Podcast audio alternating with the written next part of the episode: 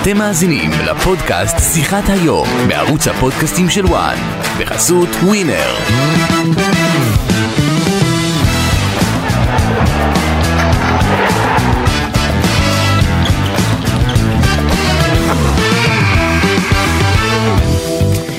שלום שלום לכם, אה, פודקאסט שיחת היום, אה, והפעם אנחנו עם אורח מיוחד אה, ששב לו לארץ, כמעט מנתב"ג הבאנו אותך, דן שמיר, אהלן, מה העניינים? אהלן, טוב, תודה.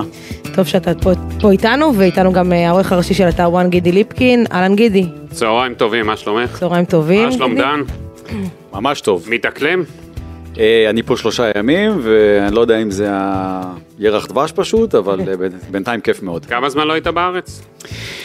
אה, לא היינו שלוש שנים ברצף, כשהייתי בניו זילנד, אוסטרליה. קורונה, נכון? קורונה, שלוש שנים ברצף, ואז הייתי פה חודשיים, ונסעתי למילאנו באמצע אוגוסט, והעונה מאוד מאוד ארוכה, וחזרתי לפני שלושה ימים. אז היה, לא, הייתה גיחה אחת לפה עם, עם, עם מילאנו נגד מכבי. הייתה גיחה, הייתה גיחה למשחק, והיו שני אה, חלונות נבחרת שניצלתי לבוא לפה לארבעה חמישה ימים. אה, וזה היה כיף, אבל אה, זאת עונה מאוד מאוד ארוכה. וזה, לקראת הסוף ממש הרגשתי את זה. כמה משחקים היו לכם השנה? 80, שיחקנו במשחק האחרון, מאחר והגענו עד למשחק האחרון. החלטתם לעשות אה, עד הסוף. להאריך עד הסוף, אז שיחקנו עד המשחק השביעי בסדרת הטוב משבע בגמר. זה היה המשחק ה-88 שלנו. שמעת תגידי הטוב משבע בגמר. כן, אני ראיתי. פה זה הטוב משלוש, כן. טוב משבע יש להם. כן, ראיתי גם את המשחק כן. האחרון. כן. הייתה, לו, הייתה לכם חתיכת סדרה, חתיכת עונה גם, רכבת הרים דן, אה, תנסה ככה לשתף אותנו, מה עבר עליכם העונה, כי אנחנו, יודע, היינו פה, ו, ובכובע של מכבי מול מילאנו, ומנסים לנצח מה עובר על מילאנו, אז בוא תכניס אותנו למה שקרה שם, מהנקודת מבט שלך. אה, נתחיל מהסוף. אה, לקחת אליפות באיטליה זה big deal, זה מסוג הליגות, מכל מיני סיבות, רק גאווה, אה, גם בספרד זה ככה, אבל הגאווה המקומית, זה שבסך הכל ב... אני לא יודע, 20-30 שנה האחרונות לא היו שם הצלחות גדולות ב... ביורוליג, ולצד זה לקחת אליפות יש המון תחלופה שם, זאת אומרת ב-20 שנה האחרונות, אם, אם אני מקווה שאני לא טועה, זאת האליפות החמישית.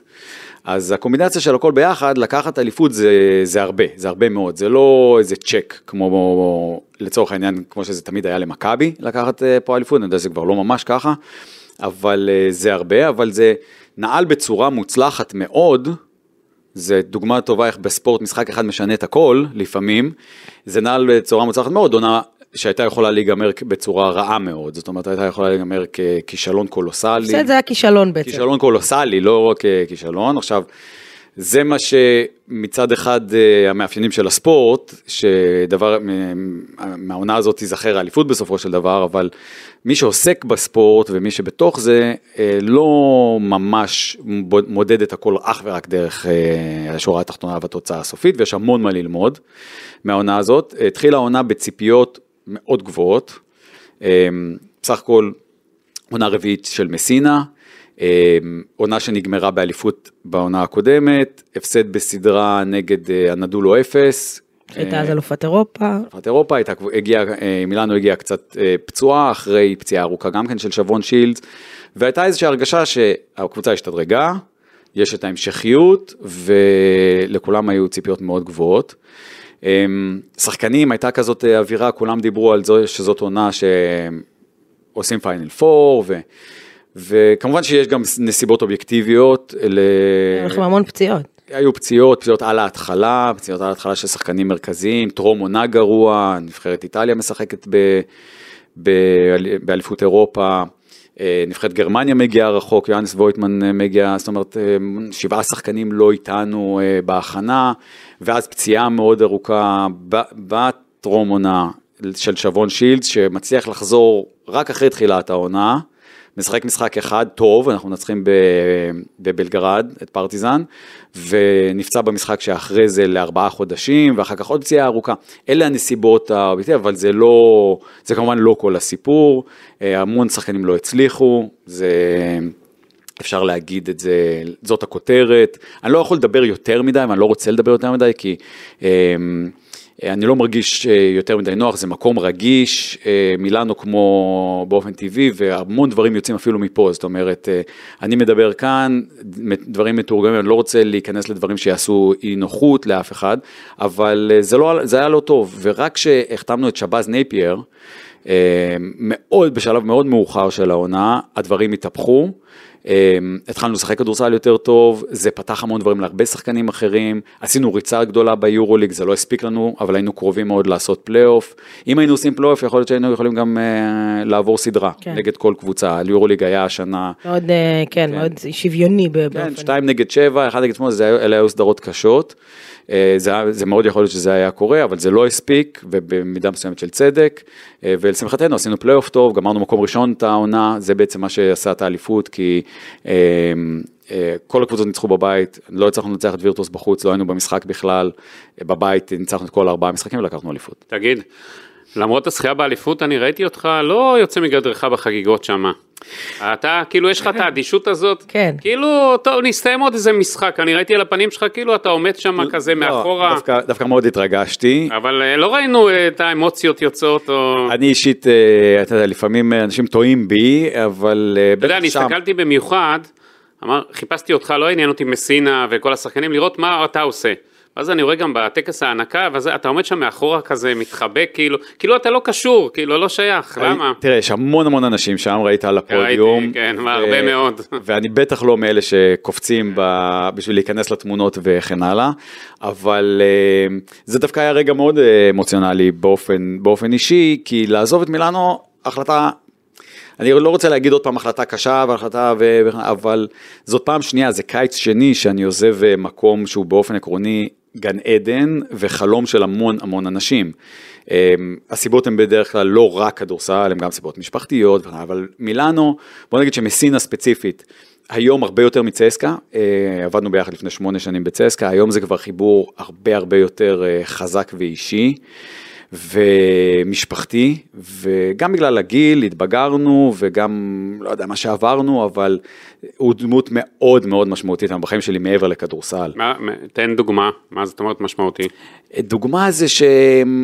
שהרגע שדיברנו שאני לא אמשיך, זה היה רגע... אני המון שנים חיכיתי להזדמנות עוד פעם, לא ידעתי אם היא תהיה, אה, לעבוד איתו שוב.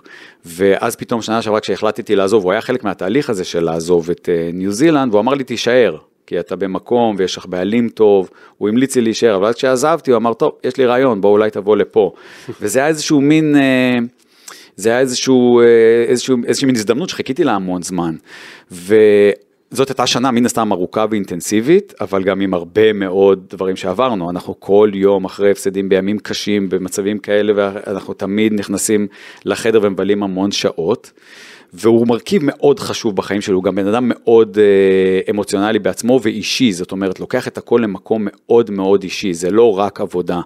וישבנו אתמול, הוא התקשר, ופתאום, זה לא אתמול, שלשום, ביום שחזרנו, אה, זה היה יום ש... ככה יום משפחתי, והלכנו לארוחת בוקר המשפחה, והוא התקשר ו... עלינו לשיחת וידאו והוא הוא בדיוק פרסם את, ה, את ההודעת פרידה ממני והוא ככה ציין את כל הילדים שלי, את השמות, הוא אמר אה, יונתן ומאיה ויעל תמיד יהיו חלק מהמשפחה וזה זה היה, זה היה ככה, זה עצוב, זה עצוב לעזוב מקומות, אנחנו רגילים לדינמיקה הזאת בספורט אבל זה, זה גם צובט. מה לומדים ממנו? זאת אומרת, היה לכם את ה... שזה היה יותר משמונה, זה היה ב-2013-2014 שהיית בצסקה. כן. שהגעתם לפאנל פור אה, ב- במילאנו, סגירת מעגל כזאת. מה לומדים מבן אדם כמו מסינה? הוא, הוא דמות מפתח אצלי ב, בהתפתחות שלי כמאמן.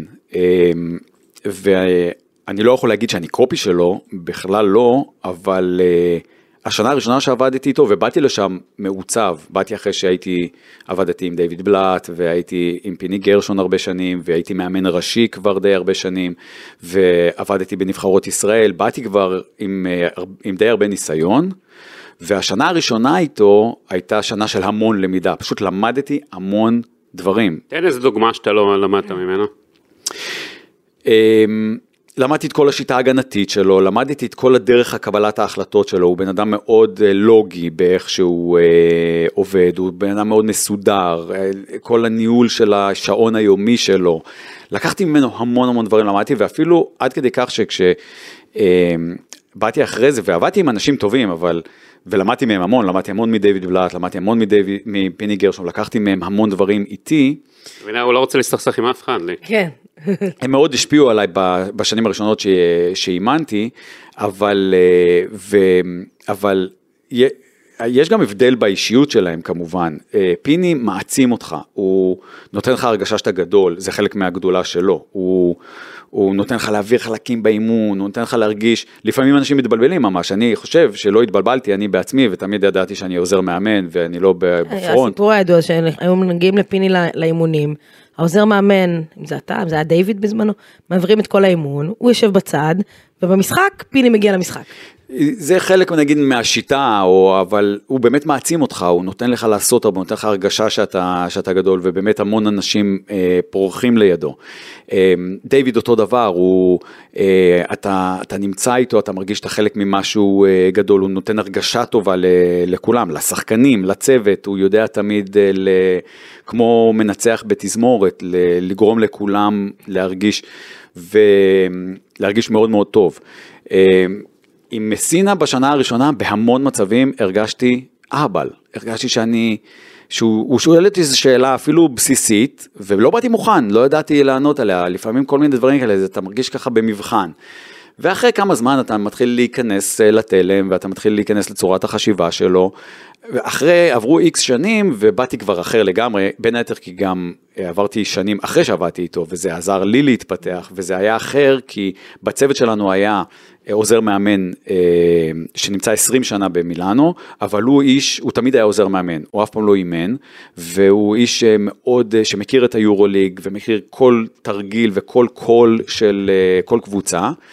וזה סוג אחד של אה, פרטנר, והיה איתנו שחקן שרק פרש כרגע, והוא היה מדהים, אנחנו מאוד מאוד התחברנו, פפה פואטה, והוא הופך להיות, הוא לדעתי הוא יהיה מאמן אדיר, אבל הדיאלוג, בינינו היה תמיד, מה אתה חושב, אתה היית מאמן, ואתה, מה אתה היית עושה במצבים כאלה, והדיאלוג בינינו היה הרבה יותר uh, כזה. ו, ו, וזהו, זה היה, זה היה מערכת יחסים שונה לחלוטין, אבל למדתי ממנו המון המון המון על הכל. תגיד, בשיחה פרידה שלך עם מסינה, היו דמעות? כמעט, הייתי אומר, אה, לפחות אצל מי? ממני, כן, לפחות, אה, כמעט, כי זה, עוד פעם, זה צובט, זה, אתה יודע שאתה נפרד ממשהו, זה, זה מערכת, זה, אני מציע לכולם מתישהו, לא יודע מה, לנסות לעשות איזה גיחה לשם, הם גם, הוא פתוח. זה חוויה, מהרגע שהגעתי, הוא פתוח לקבל עוד מאמן ישראלי? יש לך לא איזה המלצה על מישהו? אני לא יודע מה הוא יעשה כרגע בצוות, אבל uh, מהרגע שהגעתי, קודם כל אתה מגיע לשם, אז בטרום עונה, uh, גרג פופוביץ' בא לבקר, הוא היה שבוע, בא לבקר, כי הם חברים מאוד קרובים. ובאו עוד כמה מאמני NBA, אז איך שאתה מגיע, פתאום אתה נוחת ל... מה שנקרא coaches retreat, או שיושבים כל היום באיזה מקום ומדברים על כדורסל, ובערב הולכים לארוחות ערב, ופוגשים את פופוביץ' ופוגשים מאמני NBA, ואתה פתאום נוחת לאיזה עולם כזה כיף. קצת כמו לחיות. בווגאס אה, בסאמר ליג כל השנה. אבל, אבל נורא אישי, זאת אומרת, אתה פתאום, אתה, במרכז העניינים. אתה במקום מאוד מיוחד, אני, אז זה היה, זאת, זה השבוע הראשון, שלפני בכלל שמתחילים לעבוד, וסתם יושבים בארוחות ערב כאלה נורא אינטימיות, איתו ועם פופוביץ', ומדברים על החיים. האוכל במילאנו מאוד אה, רע. כן. מבינה, ארוחות קשה ערב וזה. ארוחות ערב, זה האספרסו וה... וה- יש לך אגב מסעדה מומלצת שם כבר? כמה- יש, יש, יש, יש לגמרי. אני לא מה... אבל אה, אני גם קצת בעייתי באוכל, אבל, אה, אבל אה, יש, כמובן אי אפשר ליפול כמעט, אוקיי? זה לא כל כך קשה למצוא מסעדות טובות. אבל פתאום אתה, זה, זה עולם שהוא למאמן, אתה יכול להתמכר לזה, זה כיף להיות ב- במקום הזה, ואז אתה שאלת על השיחה האחרונה, כמובן לא, זה לא הייתה שיחה בבום, כי הדבר הזה היה תהליך של אה, לעזוב. אה, זה התחיל מזה שבכלל לא הייתי בראש לעזוב. אני, כשיש לי חוזה לשנתיים, אז תמיד אה, כשחתמתי שם, היה בינינו הסכם, אני יכול לתת לך חוזה לשנתיים, ואם תרצה ללכת לאמן, תלך. זה כאילו היה הס- הסיכום בינינו. אז אה, כשאתה ב mindset הזה כמאמן, אתה אומר, אוקיי, יש לי את ה security ואני יכול לאמן, אני יכול להישאר פה, ואתה חושב שאתה תישאר פה, יש לך ביטחון, אתה לא רודף אחרי שום דבר. ואז אה, התחיל איזשהו דיבור עם אה, אלדד אקוניס על הרצליה, והאינסטינקט הראשוני היה, אוקיי, אה, אני לא בטוח שאני אעזוב פה. משיקולים אה, כלכליים ומהשיקולים, עוד פעם, אם אני רוצה לוותר על זה וכו', אבל מצד שני, יש את הכיף של לחזור לאמן, ויש את השיקול המאוד מאוד מאוד גדול ומסיבי המשפחתי. המשפחה שלי, החלום שלהם זה היה שאני אאמן את הרצליה. המשפחה לא הייתה איתך במילאנו? לא. אקוני- אקוניס הפתיע אותך בפנייה שלו? אמ, דיברנו כבר בעבר, עבדנו פעם ביחד, זה לא בא לי מנוהר, אבל מאוד שמחתי, מאוד שמחתי שהוא רוצה. אמ, התבגרנו. אתה יודע, גם אתה, אתה גם בן 48, זאת אומרת, אם היית ממשיך, כבר היית עוד אוטוטו מתויג כעוזר מאמן. זה גם, אתה יודע, לגבי המשך הקריירה שלך. אלא אם כן, זה, אתה אומר, לא אכפת לי להיות כעוזר מאמן, עם אה, דמויות כאלה, ואני מעדיף את זה. זו השאלה, כאילו לאן, אתה- כי אתה יודע, אם היית ממשיך עוד שנה, שנתיים, שלוש כבר, היו לי פניות כמאמן, כן. זאת אומרת, היו לי פניות לאורך, לאורך הדרך, ובאתי למילאנו, אה, כשאני חושב, אה, בניסיון שלי יש 14 או 15 שנה כמאמן ראשי. אז, אה, ולא מפחיד אותי התיוגים, זה לא, אני לא ממש עסוק בזה, אבל מצד שני, לקבל החלטות בחיים זה תמיד מכלול של דברים. ברור. ואני יכול להמשיך להיות עוזר מאמן עוד שנה, לא הייתה לי בעיה עם זה. אמ, ואני מאוד ממליץ למאמנים, באופן כללי, זה דבר נפוץ בעולם. זה לא משהו שאני ממציא אותו, אבל אני מאוד ממליץ למאמנים, פעם בכמה זמן, לעשות את הצעד הזה. אתה חוזר עכשיו לארץ, דן שמיר משופר, יותר טוב מאשר היית לפני כן? אתה תמיד, אם אתה לא מרגיש שאתה מתפתח כל הזמן, אז משהו לא בסדר במה שאתה עושה. אתה תמיד מרגיש שאתה הרבה יותר אה, מפותח. אני חושב שהשנים האחרונות, ומן הסתם זה עניין של בגרות, שינו אותי לאו דווקא לאו דווקא בכדורסל, אני מרגיש את השינוי קצת ב, ב, בפן המנטלי שלי, ב, במי שאני. מה זה אומר? זה קשור קצת לחיים, זה לא, זה לא קשור רק לכדורסל, אבל בוא נגיד, בוא נ... בקליפת אגוז, הדבר שהכי מניע בני אדם, הדבר הכי חשוב בחיים זה רגשות. זה, אני חושב שכל בן אדם שחי מרגיש את זה. שאנחנו נורא מופעלים על ידי אמוציות. ואמוציות זה דבר שהוא משתנה עם הגיל, מכל מיני סיבות. אתה קצת נרגע מהרבה בחינות, מהתקופה שאתה נורא בלחץ להצליח בהתחלה, וזה, כל דבר זורק אותך לאיזשהו מקום נורא לחוץ, ואתה נורא, אתה נרגע, ויש לך את, כמובן את החיים המשפחתיים שלך, אני חושבת שאתה ופתאום... מדבר על ביטחון עצמי, במקום ואתה. קצת, ואתה אתה קצת משתנה, ופתאום, סתם אתן לך עוד דוגמה, פתאום יש לי בן שהוא קרוב בגיל לשחקנים שלך, פתאום אתה כבר קצת מתרחק מה, מהגיל הזה, ויש לך ילד שזה פחות או יותר באותו גיל, זה מאוד מאוד משנה אותך, אי אפשר לא להשתנות. ואוקיי, אני לא אומר שאתה, אז השתנית לטובה? לא יודע איך בודקים את זה, הבדיקה זה תמיד, אתה יודע, אצלנו בביזנס שלנו זה לוח תוצאות, ו... אבל אני, אני גם יודע מצד שני שאני אני לאו דווקא, אני מרגיש שאני קצת אה, אה, אחר ממה שהייתי לפני עשר שנים, אבל אני עדיין מרגיש שאני, בוא נגיד, אפילו עכשיו הייתי במילאנו, אתה מגיע, ל, אתה מגיע לכזה מועדון, ואני לא יכול להגיד לך שיש לי כישרון על בלהתחבר לכולם. לעומת, לדוגמה, למה התחברתי נורא לעוזר מאמן הזה, פפה, אה, כי הוא, למה אני, זאת אחת הסיבות שאני חושב שהוא יהיה מאמן אדיר, כי יש לו סוג של כישרון כזה להיות, להיות super mega connector, שהוא מחבר את כולם. מאמן של לשחקנים. שחקנים. כן. יכולת להתחבר לאנשים, זה לא רק, לא רק מאמן של שחקנים, כי תלוי לאן אתה לוקח את זה, אבל להתחבר לאנשים זה גם כן, זה סוג של אה, יכולת, זה skill. ואני לא בטוח שאני, יש לי, יש לי את הכישרון הזה, אני מתחבר לסוג מסוים של אנשים, וסוג מסוים של אנשים מדבר אליי, וזה תמיד היה ככה, זה לא משהו מהשנים האחרונות, אבל אה, אולי זה זה גם מה שאני מחפש באנשים שסביבי, שתהיה להם את היכולת הזאת, אה, לעשות את זה איתי ולעשות את זה אה, בשבילי. להשלים אותך במקום מסוים. תגיד, ובעצם, אתה מקבל את ההצעה מהרצליה, ובשיקול דעת, יש כמובן את המשפחה, ש- שאני מבינה שזה השיקול מאוד מאוד מרכזי. מצד שני, אתה יודע, זה התעסקות, באחד אתה משחק במדולניון פורום, אצטדיון אדיר, עם היסטוריה, שחקנים כמו שבאז נפייר ושבון שילץ, לדוגמה. מצד שני, אתה מגיע פה ל... על הפרק, הרצליה, האולם של בית הספר, כן? אה, עם, עם סגל תקציב הרבה יותר נמוך, סגל שאתה צריך לבנות בעצמך, לאתר את השחקנים. דבר שעשית אותו לפני כמה, 14 שנה, בימי בני השרון זה היה. זה לא, זה לא במרכאות ירידה במעמד? אם אתה... את אה, רוצה להסתבך עם אקוניס? חלילה, חלילה. מה הוא יעשה לנו? בדיוק, תרימי. חלילה. חשבתי וואו, שתרימי להרצליה. הסתבכת עכשיו. לא, אני שואלת מבחינת השיקול שלך, כאילו תכניס אותנו לשיקול לא, הזה. אני בכיף, אני משתף אה, חופשי. קודם כל, אני ממליץ גם לכולם בכל התחומים, לא רק בספורט, במיוחד בספורט, אבל לא להתעסק בדברים השטחיים של החיים. לא להתלהב יותר מדי מדברים חיצוניים. אה, זה נחמד להיות אה, בקבוצה של ג'ורג' ארמני, ויש לזה הרבה לא מאוד. שאלנו אותך על זה גם, כן? כמה- עם כמה חליפות יצאת משם. יש לזה, זה נחמד, זה, יש לזה, אבל האם זה המהות של החיים, וסתם, לפני שאנחנו מדברים על כדורסל, האם אה, אפשר לשים את זה בכלל אה, על אותו, על אותו שולחן או על אותם אוזניים, עם, לחיות עם המשפחה שלך ועם הילדים שלך שאתה צריך אותם וכן הלאה, לא.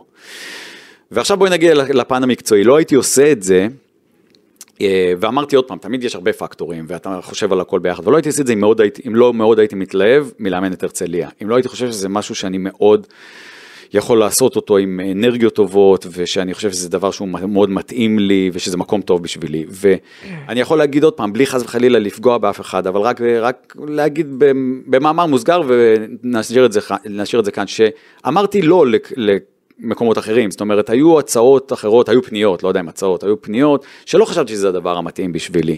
ושוב, בתוך השיקולים יש את הפן הכספי ואת הפן הגיאוגרפי ואת הפן של המקום, ו...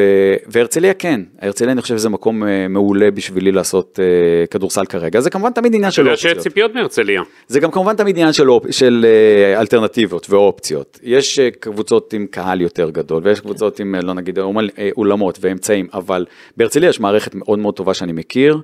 אה, החיבור עם סופי אקוניס, יצא לך לעבוד? לא, אבל בוא נגיד שזה קודם כל מתחיל באקוניס, בוא נתחיל מזה. ברור. בוא נתחיל משם. זופי שלושת. רבעי שנה בוושינגטון שם עם הילד. אז יש הרבה אנשים ב- בהרצליה ויש הרבה דברים לעבוד איתם, אבל זה קודם כל מתחיל באקוניס, ברצון שלך לעבוד איתו. זה מתחיל ונגמר באקוניס. ברצון שלך לעבוד איתו, מי שמכיר אותו ואני מכיר אותו, ברצון שלך לשתף פעולה איתו, אני יודע מי הוא, איך הוא עובד, אמ, ואני יודע, ואם אתה, אם אני חוזר לשם זה כי אני רוצה לעבוד איתו, ואני חושב שזה מקום טוב בשבילי לחזור. אני אומר שוב, אחרי ארבע שנים לא בישראל, זה, זה, זה גב. בהכל, בהיכרות שלו עם הליגה, בהיכרות שלו עם השחקנים והסוכנים ועם המטרה ואיזה קבוצה כדאי לבנות וכן הלאה. אני ארבע שנים לא הייתי פה. היית מנותק? אה, בואי נגיד ככה, חוץ ממכבי תל אביב ברמת היורוליג והיכרות וכזה. בואי אני אתן לך את התנאים קודם כל. רוצה להיות מעורב, קורה, כשאתה חי בחו"ל, ואני אני גם נכניס עוד פעם למערכת השיקולים, שאני ישראלי שרוצה לחיות בישראל. זאת אומרת, בכל זה שהם קוראים חדשות, ואנשים רע פה, וקשה, ויוקר המחיה, וההפיכה המשטרית, ומה שאתה לא רוצה, אז הרבה אנשים גם מקטרים, אבל אני חי, אני חי בחו"ל כמו בישראל, אנחנו רואים טלוויזיה ישראלית, אנחנו רואים את התוכניות הריאליטי הישראליות, אני פותח אך ורק אתרים ישראלים, זאת אומרת, אני לא, אני חי באוסטרליה, כמעט ולא רואה חדשות מה קורה באוסטרליה, קצת, ומה קורה בניו זילנד. יש אתה חי- חדשות שם או זה רק קנגרו אגב? שם? בדיוק, אתה חי כאילו אתה חי בישראל ואני רוצה לחיות בישראל. עכשיו בוא נדבר על ה... אז אתה לא מנותק, אבל, וגם הכדורסל הישראלי, אתה רוצה לראות, לעקוב, אבל שלוש שנים הייתי בניו זילנד, שמי שלא היה. מי שלא היה שייסע לראות איזה עולם אחר זה, זה הצד השני של העולם, הבדלי שעות, מנטליות, תרבות, אי אפשר לתאר את ההבדלים. אה, וכמובן הבדלי שעות מאוד רציניות, ואתה בסוג של אה, כלוב, גן עדן, אבל אתה שם. משם עברתי למילאנו, משחקים 90 משחקים, כל שלושה ימים, אחריות, אין סוף עבודה. זה כבר, כבר נתתי לך את הפרמטרים, קשה לך לחיות את, ה, את הליגה הישראלית, ואתה רוצה, את כן, ראיתי משחקים וקראתי ועשיתי, ואתה פתאום רואה איזה שחקן שיש עליו הייפ, אז אתה הולך לראות אותו, אבל, אבל אין כמו לראות במשחק עצמו כדי לראות כן, דברים, ברור. ואין כמו לראות אה, את הנבחרות מתאמנות, ואין כמו לראות משחק של ליגה שנייה, שאתה הולך, כשגרתי ברעננה, ללכת לראות רעננה, אתה הרבה הרבה יותר מעורב. אז לחזור לפה, אה, נחזור, ננעל את זה חזרה, את הנושא שדיברנו עליו, כיף לחזור למקום שיש בו, יש בו בוס כמו אקוניס. תגיד לי, בוא בוא ניקח אותך שנייה ל... בואי נקווה שזה יישאר כיף. רגע, הוא אמר אה, כיף. כן. יודע בדיוק, מצ- נקווה. אתה יודע שהוא מצפה לפיינל פור השנה. על הכיף, אתה יודע שהם לא- לקחו הרי גביע, והם כבר, אה, אתה יודע, לפני שנתיים הייתה להם עונה חלומית. יש שם ציפיות, זה לא בני הרצליה, קבוצה קטנה שאין בה רצון ורק לעלות לפלייאוף, יש לו רצונות, ואם הוא מביא דן שמיר זה כבר אה, אמירה. אמירה, אני רוצה, ואתה יודע, הפועל ירושלים זה כסף ללא הגבלה, שם אנחנו רואים תקציב כנראה ללא הגבלה. יש לך מכבי תל אביב, הפועל תל אביב שבונה עוד פעם קבוצה טובה. אז בואו נהיה, קודם כל נשים גם את זה בפרספקטיבה, אה, ונדבר על מה זה הרצליה. הרצליה אף פעם לא הייתה ראש בראש, בטח לא עם מכבי, וגם לא אם נניח נשים באותה מקשה גם את שלושת הגדולות החדשות של הכדורסל הישראלי, חלקן לא חדשות, אבל גדל, עוד, בוא נגיד ירושלים תמיד אה, היו. ירושלים, הפועל תל אביב וחולון. תמיד היו, אבל הפועל תל אביב וחולון עשו בשנים האחרונות כן. אה, קפיצות, אה, וחולון עם בעיות כלכליות קפיצות השנה. מדרגה מאוד גדולות, ולא מה, לא מהפן בייס ולא בתקציבים, ובספורט תחרותי הדברים האלה הם אה, מאוד משמעותיים, אז בואו בוא נהיה רגע, נשים את הדברים בפרספקטיבה הנכונה.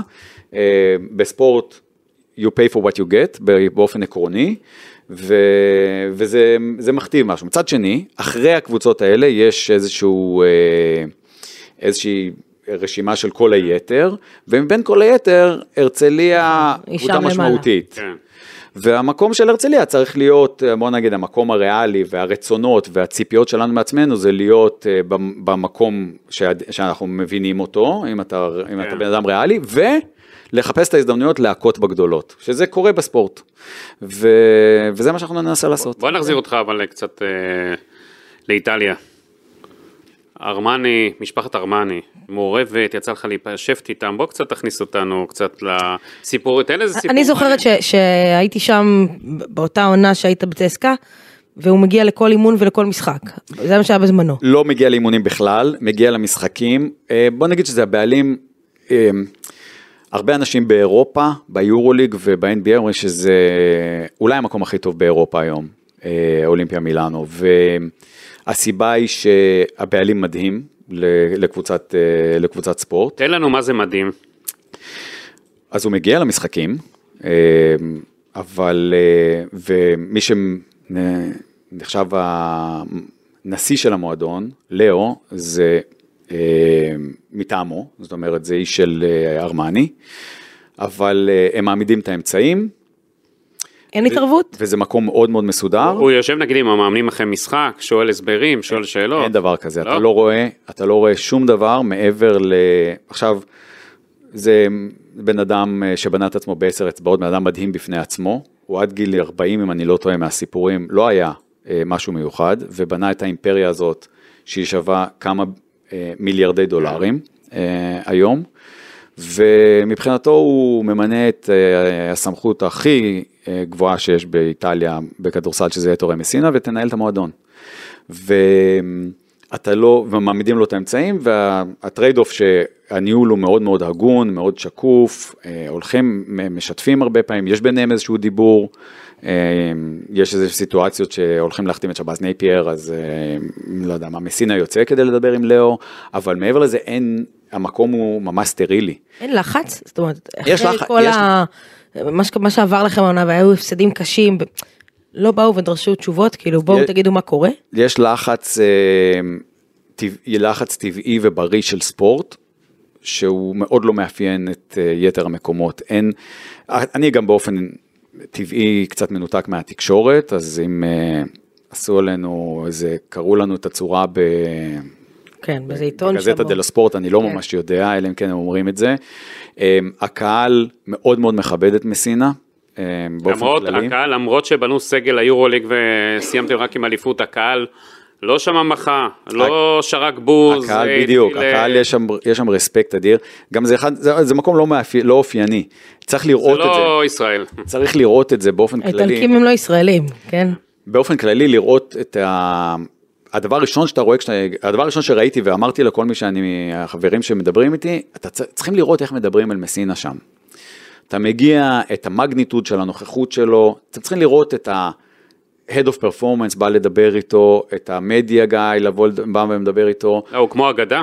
הוא, זה, הוא, הוא הצגה של איש אחד, ויש עליו איזשהו רספקט, וזה היה איזשהו, איזושהי, אוקיי, הייתה ביקורת, הייתה ביקורת גדולה, בצדק גם, ואנחנו יודעים ש... אבל לא היה זה אף פעם לא הידרדר לקריאות באולם, לדברים, לא חיכו, אף פעם לא היה את הצדדים האפלים של הדבר הזה.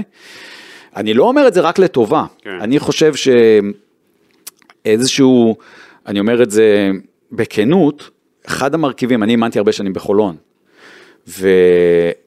וחולון זה מקום כזה שכמעט כל בן אדם שמגיע לשם, מזניק את הקריירה שלו.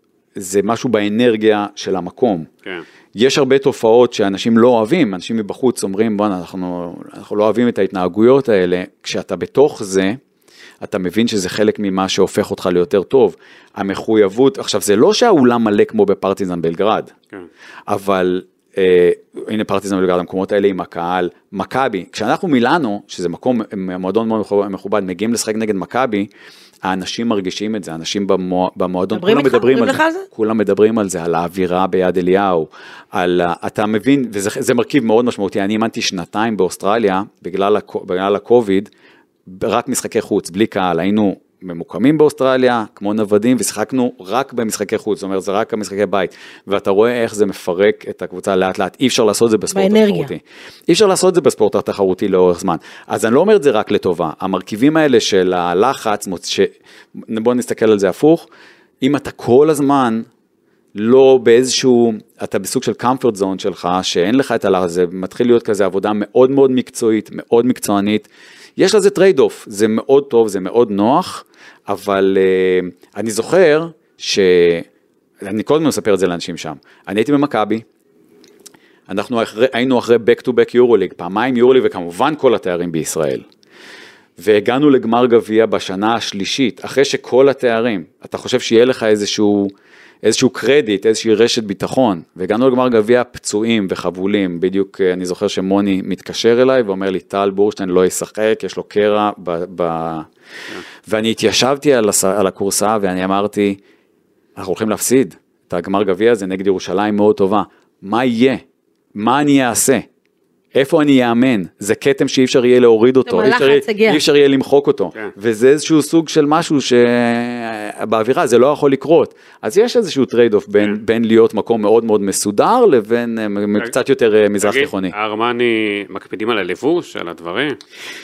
מלבישים אותך מאלף ועד תף, אתה לא יכול ל... אה, אה, עד הגרביים ונעליים וכמובן החליפה, אין דבר כזה ללבוש, לא ללבוש ארמני. אני אתן לך עכשיו קצת את, ה, את הדברים ה, כן. הכיפים שבדבר, הדברים שאתה צריך להיפרד מהם.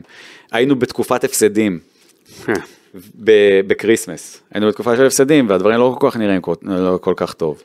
אז הנשיא שלח אה, מכתב לכולם, למאמנים ולשחקנים שאנחנו איתכם ואנחנו יודעים שהתקופה היא קשה, שיהיה לכם כריסמס שמח וביחד עם זה את המתנה שנותן נותן המועדון שזה אומר לך לחנות של, של ארמני כן. ותיקח מוצרים בכמה אלפי יורו, אני לא אגיד בכמה כדי למה? לא תן, יותר תן, מדי, תן. לך ותיקח, אה, לך ותיקחו וזה המתנה. כמה, מה זה, 5,000 יורו? זה כמה חליפות זה קנית? כמה אלפי יורו טובים. עכשיו, אתה מבין- אני אתם באמת, מבינים? זה לא רק לאף. כן. אני באמת לא בן אדם שזה ממש מניע אותו, אבל זה המועדון. אקוניס צריך להיכנס לנעליים גדולות, לאן הוא ישלח אותו עכשיו? כן, זו מה? השאלה. אתה צריך לשאול אותו, מה בדיוק, זה? תלחיצו- תלחיצו אותו קצת, שצריך ל... אבל את- מבינה אבל מה הולך להיות, מה הולך להיות שנה הבאה? הוא פתאום יופיע עם החליפות. כן, אתה מבין, מאמנים פה? יגיעו עם כן. פולו, והוא כן. יגיע עם הארמני איזה ש... פולו, כן. אם אתם, אתם לא, אני חושב שזאת פעם ראשונה שאנחנו ממש מדברים לעומק, אני קצת יותר אה, מזרח תיכוני מאשר אה, אירופאי. לא, אבל. זה עשה אותך... אתה יודע מה זה ללבוש את החליפה הזאת בחום פה של אה, חודש ספטמבר, אוקטובר? בדיוק, זה אבל לא... אנחנו נראה אותך משתנה. וגם גם אני חייב לתת, אני לא, לא רוצה להוציא דברים יותר מדי, אבל אני חושב, אם אני לא טועה, שגם שנה הבאה תהיה מהפכה קטנה באיך שהצוות המקצועי של אולימפיה מילאנו מתלבש, ואתם... וואו, אנחנו... או, וואו. מה? הולכת להיות איזה הפתעה. כן? משהו מעניין? אה, אה, נראה לי שזה יחסר לך. לא, דווקא זה, אלה לא הדברים, באמת, זה לא הדברים מה החשובים. כן יחסר? זאת חוויה לגור באיטליה, זאת מדינה שאני באופן אישי מאוד אוהב, תמיד מאוד אהבתי, המשפחה שלי מאוד אוהבת, אני מספר, סיפרתי את זה להרבה אנשים, אימא של אשתי, אה, אילנה, היא לפני כמה שנים, עשר שנים בערך, נסעה לאיטליה באיזושהי, אה, באיזושהי נסיעה פרטית, בשביל הכיף, והיא בן אדם מאוד חברותי, והתחברה עם אה, אנשים באיטליה, ומאז לאורך כמה שנים התפתחו, התפתחה לה אה, קבוצה חברתית, וכל שנה היא נוסעת לשם, ולמדה איטלקית, והיא נוסעת לשם כמה פעמים בשנה, בשביל הכיף. לפדובה יש לה אה, חבורה. והם באים לפה, ואנחנו כל חופשה משפחתית, היא לוקחת את הילדים שלנו, וזה כבר כמה שנים שכל חופשה משפחתית היא שם, וגם לי תמיד היו המון חברים באיטליה, וכשאנחנו רוצים לעשות חופשה אז סידרו לי כל מיני מקומות, אז זו מדינה שתמיד מאוד אהבתי, ואני חושב שהמון ישראלים מאוד אוהבים, יודעים על מה אנחנו מדברים. זה, זה הרי עם מדהים שאוהב בגדים ואוכל ויין וארכיטקטורה וקצת מזרח תיכוני עדיין ואמוציונלי ושפה. וזה מקום uh, מדהים, ואם הייתי ממשיך שם, היה לי כל הזמן בראש שאנחנו נעשה את כל הקיץ שם, וניסע לכל המקומות האלה בכיף שלנו, וניסע ל...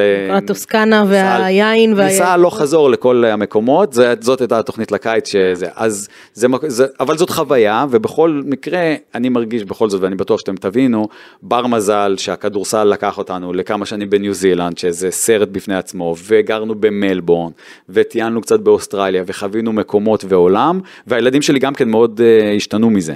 הם באו לכאן עם איזשהו קצת vibe אחר, ולי גם הייתה הזדמנות לחיות שנה במילאנו, זה בסך הכל איזשהו כיף. תגיד, אה, אה, ישבנו פה לפני שבוע עם עודד קטש, שדיבר על העובדה שהוא הרגיש את הרצון הזה להוכיח במרכאות שהוא שייך ליורוליג. אה, אין לך את השאיפה הזאת להיות מאמן ראשי ביורוליג, או, שיש, או שיש לך? אני לא אגיד שאין.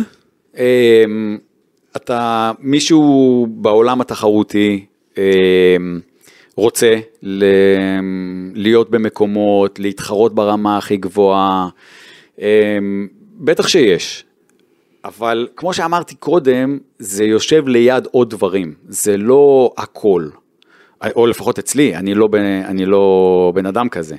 אז האם זה יושב על מקום שעד שאני לא אהיה, ואם אני אף פעם לא אהיה, אז משהו אצלי לא שלם? לא, זה לא, אני לא בן אדם כזה, זה לא יושב אצלי ככה, אני לא מודד את עצמי אך ורק אם אימנתי את מכבי, או אימנתי, או איפה אני נמצא, ו... זה, זה לא מי שאני, זה יושב יחד עם עוד דברים. כן, אתה רוצה להגיע למקומות, אבל עם הגיל אתה כבר, פעם נורא רציתי להגיע ל-NBA באיזושהי קונסטלציה. היום אני כבר מההיכרות עם העולם, ושיש לי המון חברים שם, אני חושב, מה אני אעשה שם? אין לי, אני לא רואה איך אני יכול להתאים שם באיזושהי צורה. הייתה תקופה ש... בגרת אולי. הייתה, הייתה תקופה שהיו לוקחים כל מיני מאמנים עם, כדי שייתנו איזשהו, איזשהו כיוון אירופאי, וחשבתי בואנה אולי זה יכול להיות שאני אהיה איזשהו צוות, ב... אבל מאז יש לי הרבה חברים שהיו שם מאמנים, ויצא לי לדבר עם הרבה אה, מאוד אנשים, אמרתי אוקיי אם אני עכשיו הולך להיות באיזשהו צוות מקצועי של קבוצת NBA, האם אני באמת מוצא את עצמי באופן... אמיתי, לא, זה כבר ממש אני לא בטוח, והרי מאמן ראשי ב-NBA אני לא אהיה. אז, אה, אז כן, אני רוצה להיות אה, בעוד מקומות, ואני חושב שאי אפשר לדעת לאן הקריירה תתפתח, ואני שמח מאוד איפה שאני עכשיו, וזה לא משהו שהוא אה, יותר מדי, אתה חושב עליו כל הזמן. אז על מה אתה. כן חושב, איפה אתה רוצה לראות את עצמך בחמש שנים הקרובות נגיד? אני, אני כבר באמת כבר לא חושב על איפה אני רוצה להיות בעוד חמש שנים, זה משהו שאתה אולי חושב עליו באיזשהו שלב יותר מוקדם, אני, אני באנרגיות מאוד טובות על מה שאני עושה עכשיו, ואני, עוד פעם, אתם רואים, כאילו, אני מקווה שאני מצליח אה, לשקף את זה. חזרתי לארץ וממש כיף לי בכמה ימים האלה, אז עוד פעם, אולי זה רק ההתחלה, כן. ויבואו ימים קצת אחרים. חכה, חכה, ת- ת- תיכנס לכל הבלגנים אני שיש אחכה, פה. אני אחכה. בפקקים כבר היית, אני- אני גר ברעננה, אני הולך לאמן בהרצליה, אני לא נראה שאני אכנס יותר מדי פקקים, בסך הכל בקטע הזה אני בסדר. תגיד, לאורך כל הקריירה שלך, עוד אפילו מההתחלה, אתה אוהב להשתלם, ועם כמו ריק אה, פיטינו בזמנו, וזה כאילו דבר שהוא ב-DNA שלך לעשות כל כמה זמן, וללכת ממישהו אחר, ללמוד ממנו, ולהשתלם, ולהתפכח. זה מחזיר אותנו לנקודה הזאת, אני באמת אה, ממליץ, אני רואה את עצמי, יש המון, בוא נגיד את זה ככה, יש המון מאמנים שאני רואה, אה, אתה פעם מאמנים- הגדרת את זה כנקודה בולטת בקריירה שלך, ההשתלמות איתו. כן, וזה זה מחזיר אותי לנקודה הזאת של לעבוד עם מסין השנה. אתה, בגלל זה אני ממליץ את זה להרבה מאוד אנשים, לקחת מדי פעם את הצעד הזה, לא רק מבחינת ללמוד, אבל גם ללמוד, אתה פשוט לומד דברים חדשים, ופתאום אתה מגיע המון המון דברים. גם טכניים, גם אתה משנה קצת אווירה, ואתה פתאום מסתכל על דברים קצת אחרת, יש לך איזה שנה שאתה לא באמת, לא תחת הלחץ המסיבי הזה שהכל עליך. אני מאוד אה, ממליץ על הדבר הזה, גם בפן, לא עם כל אחד, אבל אני יכול להגיד ש, שיש המון מאמנים שאני רואה מאמנים, ואני אומר בואנה, מאחר ואין לי את ה ego trip המטורף הזה שאני לא יכול להיות עוזר מאמן, אין לי את הדבר הזה, שאני אומר בואנה, זה יכול להיות מדהים לעבוד איתו איזה שנה, שנתיים, זה יכול להיות מדהים להיות איתו וזה דרך מדהימה להתקדם בחיים. תגיד, עבדת עם דיוויד בלאט.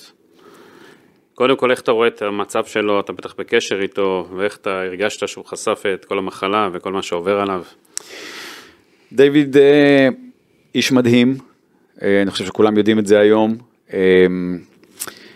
זאת אה, זכות, אה, הייתה תמיד להכיר אותו, אה, גם בפן המקצועי, אני חושב שהוא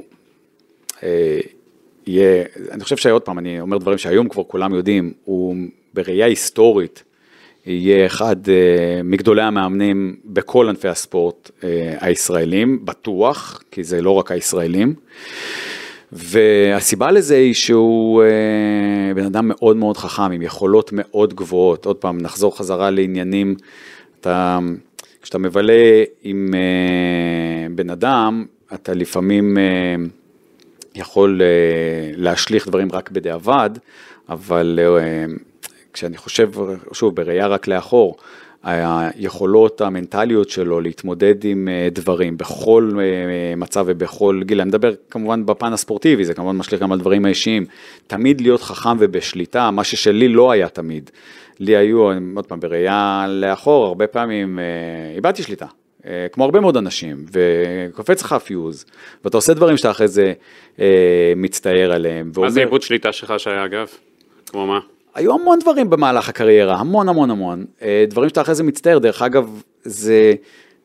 שמתי לב לזה לפני הרבה שנים, שנגמרת העונה, שאתה נורא בלחץ, והמוח שלך מפוצץ. פשוט, לאנשים יש איזשהו capacity של איזושהי קיבולת של דברים שאתה יכול לחשוב עליהם, ותשומת לב, ו, ודברים שרצים לך בראש, יש לזה מגבלה מסוימת. ופתאום נגמרת העונה, ואתה אומר, fuck. מותר להגיד בפודקאסט? אפשר, בוודאי. אה, אתה אומר בואנה, מה הכל." עשיתי? זמן, עוברות איזה 48 שעות, עוברים איזה שלושה ימים, אתה אומר בואנה, אני צריך להרים טלפון לבן אדם הזה, לסגור, להתנצל, לעשות, בשביל מה עשיתי את זה, בכלל לא חשבת על זה בשלושה חודשים האחרונים, וקרה לך איזשהו, אה, קרתה לך איזושהי תקלה. אז אה, היו המון דברים שאתה, מופעל עליהם, ומעבר לזה שדייוויד בלאט היה אה, חזק בהמון תחומים בבת אחת, היה... ידע התקפה וידע הגנה וידע דבר אינדיבידואלי וידע להעביר אימון בצורה מדהימה וידע לנהל משחק, ידע לעשות המון דברים בצורה מאוד מאוד טובה. אה, זה היה הדבר שהכי הרשים אותי ואני חושב שבראייה היום עם כל אה, מה שכל המדינה וגם אנשים שלא אוהבים כדורסל נחשפים אליו, אה, זה הדבר הכי בולט עליו. תגיד, בוא נדבר רגע על, על השחקן הישראלי. אחד שאתה אומר, היית, היית קצת מנותק, לא, לא ממש מנותק, אבל כן עקבת. מה אתה חושב היום על השחקן הישראלי, על הדור הזה, על, על הבנייה של הדור הזה, אה, גם ברמה של הלמטה, ואני יודעת שזה גם משפיע עליך בהרצליה, וגם אה, ברמת השחקנים הבוגרים שיש לנו היום. קודם כל זה יהיה לא ממש פייר בשביל מישהו שלא היה פה לדבר על זה בפודקאסט כל כך מכובד כמו שלכם ולהתחיל לה, לה, להגיד כל מיני אמירות נחרצות על אה, מצב הכדורסל הישראלי. אני חושב שזה לא מתאים, אני חושב שאנשים צריכים להיות אה, קצת אה, צנועים. בואו נצטרך להיות פה כמה חודשים לפחות ולשחק כמה משחקים ולראות, להסתובב בארץ כדי באמת להביע דעה. זה לא פייר, זה לא חכם. אני חושב שמבחוץ, אה, בואו תסתכלו על השחקנים הישראלים שמשחקים בטופ. בטופ. כן. ולי יצא לי לפגוש שנה שחקנים ביורוליג. את תמיר בלאט, תמיר, יובל. יובל ואת אה, ים מדר. זה היה מדהים, זה היה מדהים. אה, כל השלישייה, אבל אה, בואו נסתכל על ים הדר, אחד כזה שהגיע מאחור. אני זוכר לפני, לא זוכר כמה שנים, עבדנו בנבחרת העתודה, עבד איתי מאמן, מאמן מעולה, עופר רון, ואני זוכר שהוא בא לפיני ואמר לו, בהפועל. ב- כן, אמר לי, אמר לעופר, הוא אמר לפיני ואמר, אה, הגיע, אני עובד עכשיו עם איזה מישהו, איזה בחור צעיר שאתם לא כל כך, הוא לא כל כך על הרדאר שלכם, אתם תראו, הוא יהיה שחקן. ואנשים קצת אה, הרימו גבה. וספציפית, כל מאמן יש לו את המאמנים שהוא עובד, אוהב, והוא עוקב אחריהם, וספציפית אה, פרטיזן בלגרד זאת קבוצה שאני ראיתי המון המון משחקים ואתה מאוד, אה, יש בזה גם משהו מחשמל במקום הזה עם הקהל והטירוף הסרבי, וכמובן אה, גדולתו הבלתי מעורערת של אוברדוביץ'. אגב, אתה חושב ים יגיע ל-NBA? לא יודע, לא יודע, אין לי מושג, אבל לראות אותו משחק השנה ולראות מלא מלא דברים, זה היה ממש, ישבתי, זה תמיד נגמר בטלפון לעופר, כי זה היה מאוד מרגש לראות את, ה, את הדבר הזה. הוא לא שיחק במשחק הראשון במדריד 25 דקות, ופתאום הוא מעלה אותו דקה 25-26, והוא עושה כמה פעולות חיוביות, הוא משחק עד הסוף, הוא עשה סדרת אה, פלייאוף מדהימה. אז בואו נסתכל גם על הדברים אה, הטובים האלה, על השחקנים שמתפתחים, שמתפתחים, על נבחרת, על המדליות זהב שהיו בשנים האחרונות באליפויות אירופה, ו... וזהו, בואו בוא נהיה גם קצת אופטימיים ב- בהסתכלות. אגב, אתה אומר לישראלים ששחקים בחו"ל, תמיר בלאט אה, חוזר לישראל, למכבי תל אביב, מה אתה חושב על ההחלטה הזו? אני חושב שזה, בוא נשאיר את, אה, את הפודקאסט הזה, הפודקאסט הזה, דיברנו כאן כמה דברים, סטינו לכל מיני לא, מקומות, אבל בוא נשאיר את. זה בתחום הדברים ש, שאני מתעסק איתם, שזה הצלחת שלי, ולא נגלוש למקומות, לקבוצות אחרות, לשחקנים אחרים, אה, סטינו מספיק. תגיד, אפרופו מכל הידע שלך וההסתובבות שלך בחו"ל, אתה הולך להביא להרצליה איזה שחקן כזה שאימנת כבר, ראית, ויש לך רשימה, כי עברת לא מעט עכשיו. בוא אני אשתף אותך קצת באיך דברים עובדים ב- בהרצליה. אמ, ואני חוזר להרצליה, אמרתי, בצורה מפוקחת, ואני יודע בדיוק איך זה עובד. בהרצליה, אחד הדברים שאתה, אם אתה חוזר, אתה רוצה לעשות אותם, זה לעבוד עם אה, אקוניס. ואקוניס הוא GM, כמו GM בהמון המון מקומות. בוא, לא יודע, אם זה לא, אם לא כולם יודעים, לא כולם קוראים לזה בשם, זה, לצורך, יש המון מקומות שעובדים ככה, ואת כל השאלות לגבי personnel ואיך נבנית הקבוצה, זה שאלות לאקוניס, תביאו אומרת, אותו, אקוניס- תביאו אותו אקוניס- לפודקאסט. אק- אקוניס- עכשיו- אקוניס בונה לך את הקבוצה, עכשיו אנחנו, וכאילו יש הסכמות ביניכם, איך זה הולך להיות? אנחנו מן הסתם, בוא נגיד את זה ככה, כמו בכל מקום, הוא צריך לבנות קבוצה, כמובן ביחד איתי, הוא צריך לקחת אותי בחשבון. את מבינה מה הוא עשה? אה, הפיל הכל על אקוניס. כן, זהו, אם עכשיו- ייקחו אליפות, זהו, אם זה, זה אקוניס בנה את הקבוצה. אז הנה עוד דבר, הנה עוד דבר שהוא גם כן, אתה יודע, אתם תמיד, אה, הוא אתכם נורא מעניין, אבל אותי הוא קצת פחות מעניין, מי לוקח את הקרדיט. אז אם נצליח, אז הקרדיט הולך לכולם, כולם אה, בטוב, ואם לא נצליח, לא כל כך מעניין אותי על מי תפילו את התיק, זה לא כל ב- כך משנה לי. אה, דן, בשנים שהרצליה הצליחה, זה השנים שהצליחה, זה לא רק הרצליה, כל קבוצה מהדרג הזה שדיברת עליו, אה, עם איזושהי גניבה כזאת של שחקן, זה היה, אם נלך אחורה, שון ג'יימס היה כזה, אה, אונואקו היה כזה, אה, איך מצליחים לאתר כזה שחקן היום? בטח אתה יודע בתור עוזר מאמן שהכל כל כך פתוח לכולם היום אתה לא יכול ליפול על איזה ליגה שאף אחד לא רואה הכל מוקלט הכל מצולם כולם רואים הכל. אז בואו ניתן עוד פעם את הקרדיט איפה שהקרדיט מגיע. אמ, זה באמת, זה נכון, זה, זה עבודה מאוד סיזיפית, וכולנו נעזרים בהרבה מאוד אנשים, ולאף אחד אין היום את הבלעדיות על הדבר הזה, זאת אומרת, אין איזה קוסם שיודע להביא, לעשות דברים שלא הרבה אנשים יכולים לעשות. אני הייתי בחולון, הגעתי לחולון, והגעתי, החלפתי את אלעד חסין, שהביא לארץ את וויל קלייברן, שאני, שהפך להיות ה-MVP של היורוליג. יורוליג, כן. ו... ואנחנו בעצמנו כמובן הבאנו כמה שחקנים uh, טובים לחולון וגם לפני כן, ו... ובהרצליה מי שעושה את זה זה אקוניס, uh, ואתם צודקים, בתקציבים האלה לפעמים זה מצליח, לפעמים זה לא כל כך מצליח, אבל לא הרע, ובאמת uh, זה נכון, זה לא קורה תמיד, וכשקורה כזה דבר, שפתאום מישהו כמו נואקו, ובתמהיל נכון עם ישראלים, ובתמהיל נכון עם... Uh, של צעירים ו, ו, ו, ומנוסים, ולפעמים, ו, וקצת מזל, וכשזה מתחבר, אז נהיית קבוצה טובה שיכולה לנצח הרבה מאוד משחקים, כי זה כדורסל, בסוף משחקים חמישה נגד חמישה, ופתאום, אני אומר לכם את זה מהצד של מילאנו, שהפסידה הרבה מאוד משחקים השנה ביורוליג, לכל מיני קבוצות אה, שאין להם את הארנק של, שלנו, זה כדורסל, לפעמים זה מתחבר ואפשר לעשות הרבה מאוד דברים, לא משחקים בסופו של דבר עם החשבון בנק, עם זופי יצא לך לדבר? עוד לא. עוד לא. יצא לך לאמן אה, או לראות את, את הבן של אקוניס? הוא יהיה עקשן בקבוצה? הוא יהיה אצלך? אתמול אה, ראיתי אותו עושה אימון, אימון עבודה אישית, הייתי אתמול פעם ראשונה באולם, אני עוד לא לגמרי נכנסתי לעניין, זה לא, זה לא תלוי בו, זה תלוי בג'י.אם. תלוי ב-GM, כן. בדיוק. אה, אגב, אנחנו שידרנו אותו השנה ב- בליגת תיכונים. איך הוא? אה, יש שם, יודע לקלוע הילד. וואלה. כן, יודע לקלוע הילד, אה, העלה אותם לליגת העל, את אה, את, אה, יובל הרצליה. אז אולי נראה אותך במשחקים של היום. וואלה. כן. אני הייתי ממליץ לנו לא לערב אה, ילדים. משפחה וביזנס. וואו, מה שיהיה. לנו אחרי הפודקאסט הזה, כמה- כמה וואי, טלפונים וואי. יהיה מאקוניס. טלפונים מאקוניס. תגיד, אה, אה, בוא נדבר על, אה, לא על, לא על אה, זופי עבדיה, דווקא על דני, שאתה יודע, היום זה השגריר מספר אחת של, אה, של הכדורסל הישראלי בחו"ל. אה, אחרי כל מה שקורה שם בקיץ האחר- הקרוב, עם כל הטריידים וכל זה, עושה רושם שהוא הולך להיות שחקן אה, די מוביל השנה, שנה רביעית כבר. אני לא מומחה גדול, וגם בעניין הזה אני לא רוצה להתחיל לתת אה, יותר מדי אה, תובנות יותר מדי חכמות, כי אין לי, ואני לא, שוב, זה לא, זה לא התחום שלי שאני בו, אבל חוץ מההתלהבות של כולם, מזה שגדל פה שחקן, כמובן, אגב, גד... התחיל בהרצליה. כן, גדל פה שחקן, כמובן עם נתונים ועם, אה, יש דברים שהם... אה, גנטיים. תרבותיים, כן.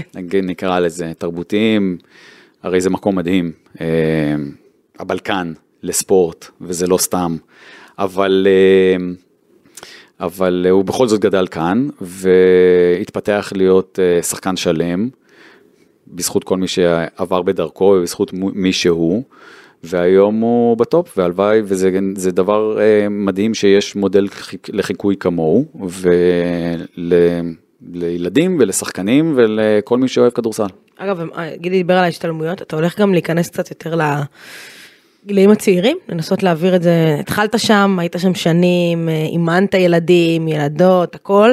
אה, כן חשוב לך להיכנס לשם, לחזור לשם, להעביר את זה לדור הצעיר? ב- בדרך כלל כשאני, כשהייתי, אה, כשהייתי כאן, בדרך כלל אה, מצאתי דרכים, עוד דרכים לעשות, אה, סליחה, לנסות לתרום בכל מיני תחומים, למאמנים, והייתה איזושהי תקופה שניהלתי את קורס מאמנים בווינגייט, ואפילו כל מיני דברים שקשורים לאיגוד הכדורסל וכן הלאה. בואי נתחיל מהרצליה, בואי נתחיל מאיפה, מאיפה שאנחנו ונראה לאן זה יתקדם. זה הרבה, לנחות, להתאקלם, להיות ממוקד במה שאתה עושה, ונראה הלאה אם יהיה לי פנאי, מחשבתי ורצון לעשות אותו. אימון אה, נבחרת ישראל, זה משהו שתרצה לעשות בעתיד? תראה, הדבר הנכון להגיד בפודקאסט כזה הוא ש... שכן, אוקיי? זה הדבר הנכון, שכל מאמן בסופו של דבר צריך גם ל... לשאוף ל... לאמן את הטוב. אני מניחה שלא פנו אליו, כי הוא היה ביורוליג גם. אבל זה לא, זה לא משהו שאני, שאני מתעסק בו בכלל, מהמון סיבות, אבל אני לא רוצה לעשות לכם פודקאסט על זה. מה הפוליטיות? לא, ממש לא, זה, זה, אוקיי, זה, זה מדהים להיות בנבחרת, ויש לזה אה, דברים אה, מאוד כיפים ומיוחדים, גם באופן אישי וגם אה, בפן הרוחני, ה- ה- הכללי ה- של המדינה, אבל אה, הקריירות שלנו הם בראש ובראשונה הקבוצות המקצועניות שאנחנו מאמנים, ולא תמיד זה מסתדר עם דברים אחרים, ואני לא אחד כזה, אני לא רואה, אני לא, לא שוב, אני לא נכנס לכל מיני קלישאות. אתה כאילו מקצוען ב... עד הסוף, אתה לא מאמין בזה לאמן קבוצה וגם לאמן נבחרת ולעשות... אה, לא רק, לא רק זה, היכולת שלך בכלל, מה זה אומר לאמן נבחרת אה, בימינו, ההתכנסויות האלה של הכמה ימים לאמן זה נהדר, זה, אני לא רוצה, אני לא רוצה חס כן. וחלילה לה- להמעיט בערך, לאמן נבחרת זה תואר חשוב וזה כבוד וזה, ואתה יכול לעזור להרבה דברים ולהגשים את עצמך וכן הלאה, אבל מצד שני, הדבר המרכזי שאנחנו עושים זה לאמן קבוצה, לקנות לי- אותה, לאמן אותה, וההתכנסויות האלה של הכמה ימים שעושים שני משחקים, אתה מבין, הוא בא ואומר, "מה אני- איפה אני יכול להשפיע בכמה ימים? האלה?" ברור, לא, ומה אני אגיד לך גם?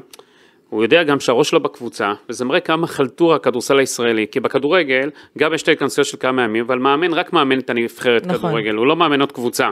הוא לא יכול להיות גם פה וגם פה, רק בכדורסל. ועזוב את זה בכדורסל. אבל גם באיטליה זה ככה, גם המאמן מאמן נבחרת איטליה הוא גם כן מאמן רק נבחרת איטליה, יש בזה, יש, יש דברים, זה, זה סוגיות שיש בהם לכאן ולכאן. והמאמן הזה, שהוא... בישראל זה בגלל כסף, בוא אני אגיד לך, כסף. המאמן. הזה, אגב, גידי, הוא לא יכול להיות מאמן יורוליג, נכון. כי זה ב- באותם חלונות, אתה מבין? אז כאילו, זה, זה לא לפה ולא לפה. זה, הגיע הזמן פה שיהפכו את החלטורה למשהו רציני. אבל זה לא, זה גם קשור לזה שפתחו את זה בצורה הזאת לחלונות, יש לזה המון יתרונות, שהם משחקים המון יתרונות גם לשחקנים וגם לקהל, והם משחקים... וזה ב- לא רק זה בקיץ. סוגיה, זה סוגיה לא, לא, הסוגיות האלה הן לא פשוטות, אבל בסופו של דבר אתה חושב על מה זה אומר לאמן, להיות חלק מהדבר הזה. שוב, הולכים ומפסידים שני משחקים וכל העולם... אמ, אתה יודע, משליך על אה, גיא גודס, אה, כל מיני דברים וכן הלאה, האם זה באמת פייר? אוקיי, אתה נכנס לעולם הספורט התחרותי, אתה חי עם זה, אבל אה, אני חושב בסופו של דבר שלאמן כדורסל ולשחק כדורסל גם, גם השחקנים, העבודה המרכזית שלהם וכל העולם שלהם הוא סביב הקבוצות. תגיד, מכבי תל אביב, אם לקחת לי את השאלה. אבל- שיחקת מולם השנה, איך אתה רואה את העונה שלהם ביורוליג בסופו של דבר עם כל מה שעברו? טובה מאוד מאוד.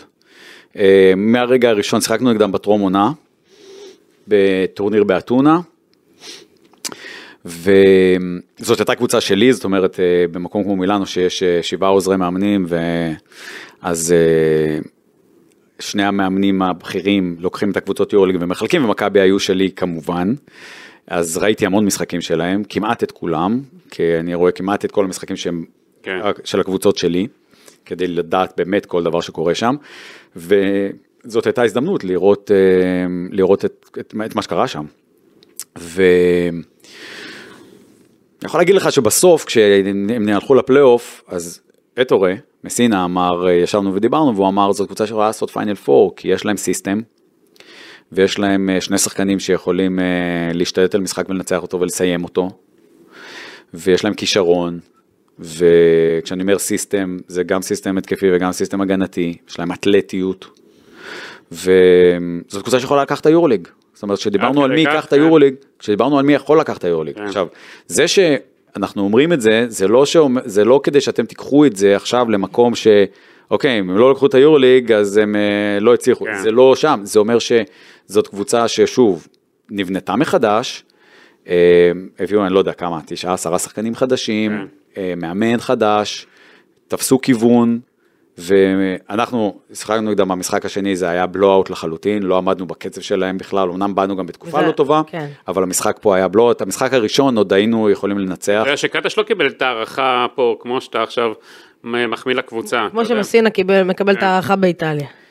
זה, אולי זאת בעיה שלכם חבר'ה, אני לא באתי לתת לכם ציונים, אני רק אמרתי לכם לא, איך. איך, אנחנו, איך אנחנו ראינו את זה, איך רואים את זה מבחוץ. אמ, ואני חושב שאם אה, אצלנו בחדר המאמנים אה, זאת הייתה הדעה, אני חושב שזה היה ככה גם בהרבה מקומות אחרים. תגיד, אה, אתה התחלת בעצם, לא התחלת, עשית את התהליך הזה גם בתוך מכבי, כעוזר מאמן ראשון, ואז עוזר מאמן שני, ואז ראשון. בשנים שזה היה די כזה, דיוויד החליף את פיני, ואז גודס החליף את דיוויד, והיה דיבור על זה שדן ביום מן הימים יהיה מאמן מכבי. זה משהו שאתה שם לעצמך כמטרה, כרצון, כ... אה, למערכת הזאת? אני חושב שעניתי על זה כבר אולי בצורה קצת כן, אחרת. אמרת מקודם. כן. אני חושב שעניתי לא, אבל- על זה באיזשהו אופן. באחד שמכיר את מכבי, נכון. שיודע איך המערכת הזאת עובדת, אה, עם כל הלחצים, קטש אמר שזה אחת המשרות הכי לחוצות באירופה. קודם כל, קודם כל. בואו נתפוס פרספקטיבה, אני כבר לא כל כך מכיר את מכבי, אני מכיר כמה אנשים שם, אבל אני הייתי במכבי עד 2006, אז כבר עבר הרבה מאוד זמן. ואני רוצה שוב לשתף אתכם באיך העולם שלנו נראה. מן הסתם, יש מאמן אחד למכבי, ו... ואז, וזה, ויש להם המון המון אופציות, ומאמנים זרים, וזה יכול להיות דבר שאף פעם לא יקרה לי. זה, ו, ואתה לא יכול כל, אתה לא יכול שזה יהיה מרכיב מאוד חשוב מהחיים שלך. אמנם בישראל יש קבוצת יורוליג אחת, וזאת אימפריה, ומן הסתם זה משליך על כל כדורסל הישראלי, ותמיד שואלים על מכבי, ותמיד שואלים מאמנים ושחקנים, וזה משליך, כי, וזה נורמלי, כי זאת קבוצה אחת. אבל uh, עכשיו בואו בוא תעברו רגע לנעליים של המאמנים, ואני לא המאמן היחיד בישראל, וכל המאמנים, אה, אתם חושבים שכולם כל היום חושבים על uh, מתי ואם ואיך, ואז אתה ככה מקבל פרספקטיבה על החיים, ואתה, ושוב, אתה לא מגדיר את עצמך דרך uh, ללבוש את החולצה הזאת, אז זה לא הדבר הכי חשוב לך בחיים. אז כולנו רוצים להתחרות ברמות הכי גבוהות, ואני מתאר לעצמי שאם תיווצר הסיטואציה, וזו סיטואציה שאני בדיוק אה, מצליח מספיק, וזה נראה להם שזה מאוד מתאים, ומי שמקבל שם את ההחלטות חושב שזה נכון, ואם תיווצר הסיטואציה הזאת וכל הכוכבים יהיו במקום, מן הסתם כנראה שאני אגיד כן, זה, אלה, זאת, זאת המציאות, אבל, אה, אבל אה, עכשיו נהפוך את זה, האם זה משהו שהוא ככה כל היום בתודעה שלך? ממש ממש ממש לא, אתה לא חושב על זה, מבחינתי יש סיכוי סביר מאוד שאני לעולם לא אאמן את מכבי, ושזאת תהיה הקריירה שלי, והאם טוב לך בחיים או לא, לי טוב. לי, את מבינה, הוא, דן שמיר, מודל 23, כן. יותר מפוקח, יותר רגוע, יותר שלו. שלו, משהו אחר, חזר לנו, ה- אנחנו הניו זילנד, הניו זילנד שם, כן, הוא- הביא את הוא- הוא הביא את ניו זילנד לישראל. אנחנו מתכנסים לסיום. הם מתקרבים, אני כן. רוצה להגיד לכם שנורא כיף לי לעשות איתכם פודקאסט, אני נורא אוהב לעשות איתכם פודקאסט שבו אנחנו מדברים ויש זמן, ונורא חשוב לי שתנסו, אחרי זה כשאתם מתרגמים את זה לאתר למילים, לבחור, ואתם רוצים לבחור משהו מעניין משם, שזה ישקף את מה שנאמר. מה הכותרת שלך על שזה הדברים? ישקף, אתם יודעים אחרי זה להוציא כותרות, תיתן לנו את אבל הכותרת, מאחר ואתם כן. לפעמים קצת מסוכנים, ולא יודע, מישהו אחרי זה יכול... איך הוא- איך הוא הגיע שלו ורגוע? כן, ועכשיו, לא, אחרי זה, אחרי זה אם יצא מפה איזשהו משהו שהוא לא בדיוק בקונטקסט שנאמר כאן, כי דיברתי נורא בפתיחות, אז אני רוצה לנסות לבקש מכם ולהזהיר אתכם שזה תבחרו כותרות, הכותרת? תבחרו כותרות טובות. בוא תיתן לנו את הכותרת שלך. הכותרת היא שהכותרת היא צריכה להתמקד בהרצליה קודם כל, והיא צריכה להיות אה, משהו כמו... אה, אתה יודע, אם נשים אבל בלי לפגוע בהרצליה, ב-500 אוהדים כותרת הרצליה, זה לא ימשוך, אנחנו צריכים ש... מאות אלפים. מעניין. בוא נראה, בוא נראה, אני אולי תגיד, נפתיע אה. איפה דן שמיר, מודל 2020, אמרנו 2023, 2024, מה, איפה, איפה דן שמיר, במה הוא מרוצה, מה הוא השיג אחרי השנה בוא הזאת? נקווה שנעשה עונה טובה וכולנו נהיו- נהיה שמחים וחתמתי בהרצליה לשנתיים ובוא נקווה שבשנה הבאה אנחנו אה, מתכננים איך לעשות שנה עוד יותר טובה בהרצליה. טוב, יפה, גידי. כן, אז- שיהיה הרבה בהצלחה. תודה, חבר'ה, היה תודה כיף. לאופק שדה. ותודה רבה גידי, תודה רבה דן, היה בהחלט אה, מעניין מאוד, אז תודה כן. שהגעת. גם לי. אנחנו נעקוב אה, שנה אחרי הרצליה, תודה רבה. אנחנו נזמין. אותו פה עם אחרי זה תואר הבא, לא? כן, אולי אחרי איזה גביע, או כן, איזה משהו מעניין, אולי אליפות. אולי, אולי. פחות מזה, שאקוניס לא שלום. יגיד לך למה אתה זה אחר כך. כן. יאללה חבר'ה, תודה רבה. תודה רבה.